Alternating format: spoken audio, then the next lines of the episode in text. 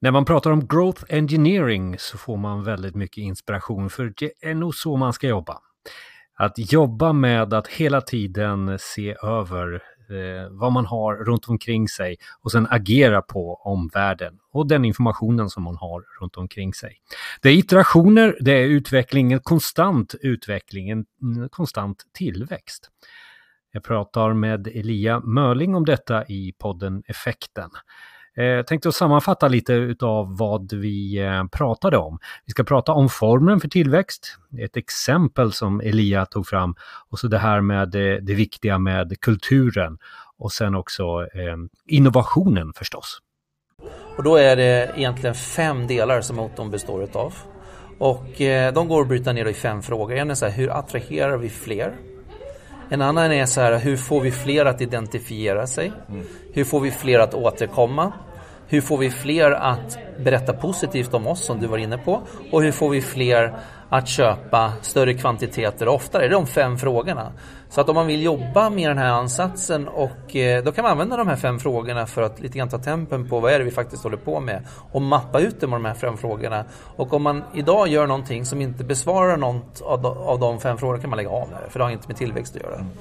Så om man skulle ta det här liksom för ett väldigt oanalogt företag så brukar jag exempel på en klädkedja, jag tror det här är samma från, från Kanada som heter Lululemon.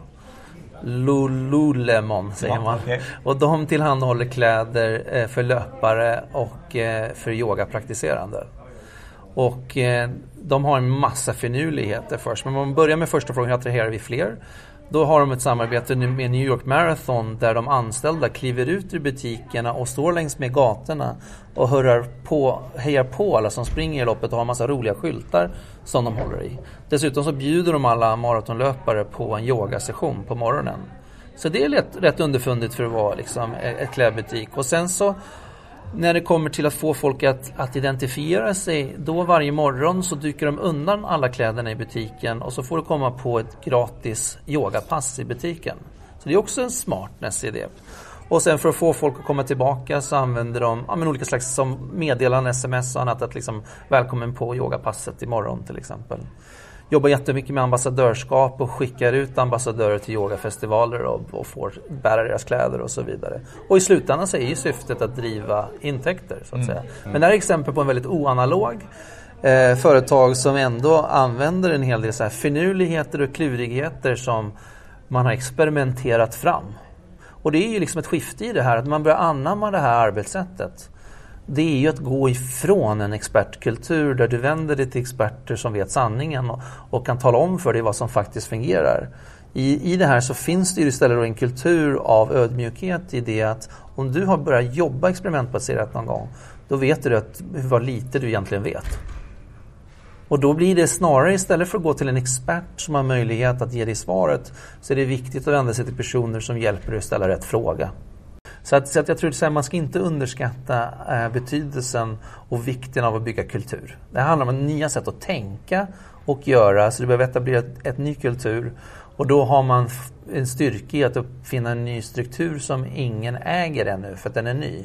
Sen när du väl har identifierat, så en del i det här är att identifiera personer i din organisation som skulle kunna vara lämpliga i ett sånt här team. Och det är som du säger, innovation det här är ju en del av innovation. Liksom. Eh, så där skulle man ju börja. Och sen så är det, så, och sen så vilket fokusområde du har, det skulle jag säga det, det kan, du kan börja faktiskt i det lilla. Du kan börja egentligen med att se över din hemsida till exempel. Eller din, som du var inne på, din kommunikation i sociala medier och så vidare. Men, men det, är, det som är en nyckel i det att, att vad det än ska åstadkommas så fundera på vad resultatet ska bli i termer av förändrat beteende. Börja där, vad är det för, för beteendeförändring du vill åstadkomma? Sen jobbar du bakåt, det är också klassiskt. Fundera på ja. resultatet och jobba bakåt sen. Liksom. Och då kommer det resten att trilla ut, vad är det vi ska jobba med för någonting? Så att vill vi åstadkomma ökad omsättning kan man ju börja där, ja, kring vad? Och sen så jobbar man bakåt sen. Jag, jag tycker det, det sista du säger här det är ju innovation. Ja, det är det. Det, det är innovation, ja, innovationsteam eh, och för mig som håller på med, med ja. mjukvaruutveckling. De som inte har ett testlab, ja. de är inte med i innovation. Nej. Eh, så det är liksom en ja, bock är just att, att ja, Det var bra att du, du kopplade den, helt rätt. Eh, eh, så, så att, härifrån, men, men, det känns också som att eh, det är mera startup-scenen. Eh, är ja. den accepterad utav större? Alla ålder, vill ju åt det här hållet. Alla... Är det ålder? Är det under 30? jag vet inte, men jag tror så att många etablerade företag vill ju börja jobba du vet ju själv liksom mer digitalt och det är ett sätt att göra det. För det, som du sa, man har mer data att tillgå. Ja. Och, och vad ska du göra med den datan? Så jag tror ambitionen, och önskan och längtan finns faktiskt där. Hos många företag att vilja göra det här. Gäller att bryta sig loss. Ja, exakt. Det gäller att bryta sig loss. Ja. Precis som det handlar om att etablera ett nytt innovationslabb till exempel. Ja. Nej, men så jag, jag, upplever att, att det finns en efterfrågan på, på just den här typen av, av Man vill ha hjälp liksom, och allt som kan vara till hjälp är tacksamt. Liksom av både verktyg och processer och liksom kunskap och sådär. Ja, för det är så mycket. Det är så mycket och liksom när du säger så här, nu flyttar gränserna ihop mellan marknad, sälj och produkter. Vi har ju svårt att få alla samarbeta ändå. Liksom. Jo, precis, men därför behöver du skapa de här tvärfunktionella teamen. Ja. Där det inte är så siloartat. Liksom. Jag hör det här på gång på gång nu mm. i, i effekten när jag intervjuar mm. människor. Just att det handlar om väldigt mycket om att om du inte har den här testlådan ja. och acceptansen för ja. att misslyckas. Just det.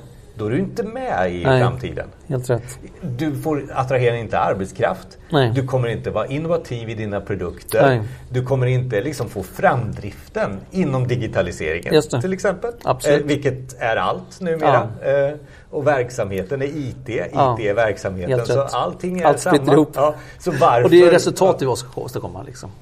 Ja, och mm. värdet. Eh, precis. Och jag, jag, brukar ta det om och om igen. Mm. Alltså Nokia gjorde, gamla gamla mm. Nokia mm. gjorde gummistövlar. Och ja. sen en dag så gjorde de mobiltelefoner. Just det. Ja. Exakt. Det här är ju, det blir ju, ja. det är liksom det vi, vi pratar om här ja, nu. Det kan vara det ja. vi pratar om. Och nu så har de ju testat 360-kamera och lagt ner det och så ja. är det Nokia. Alltså, ja, så, det. så, det fortsätter ju också. Ja, att de vill göra VR-produkter helt plötsligt. Och, ja, liksom. hälsa gick inget bra här. Nu Nej, lägger vi ner. Exakt, liksom, precis. De har ju en väldig eh, experimentlösta. Och så, så Claes Olsson säkert också. Och en del andra som håller på med allt möjligt. Liksom. Men eh, ja, absolut. Jag förstår när du intervjuat ett antal personer att du ser teman som kommer igen. Tack för att du lyssnar. Skapa värde inom digitaliseringen, ja det är det jag brinner för och det finns där på jonasjani.se.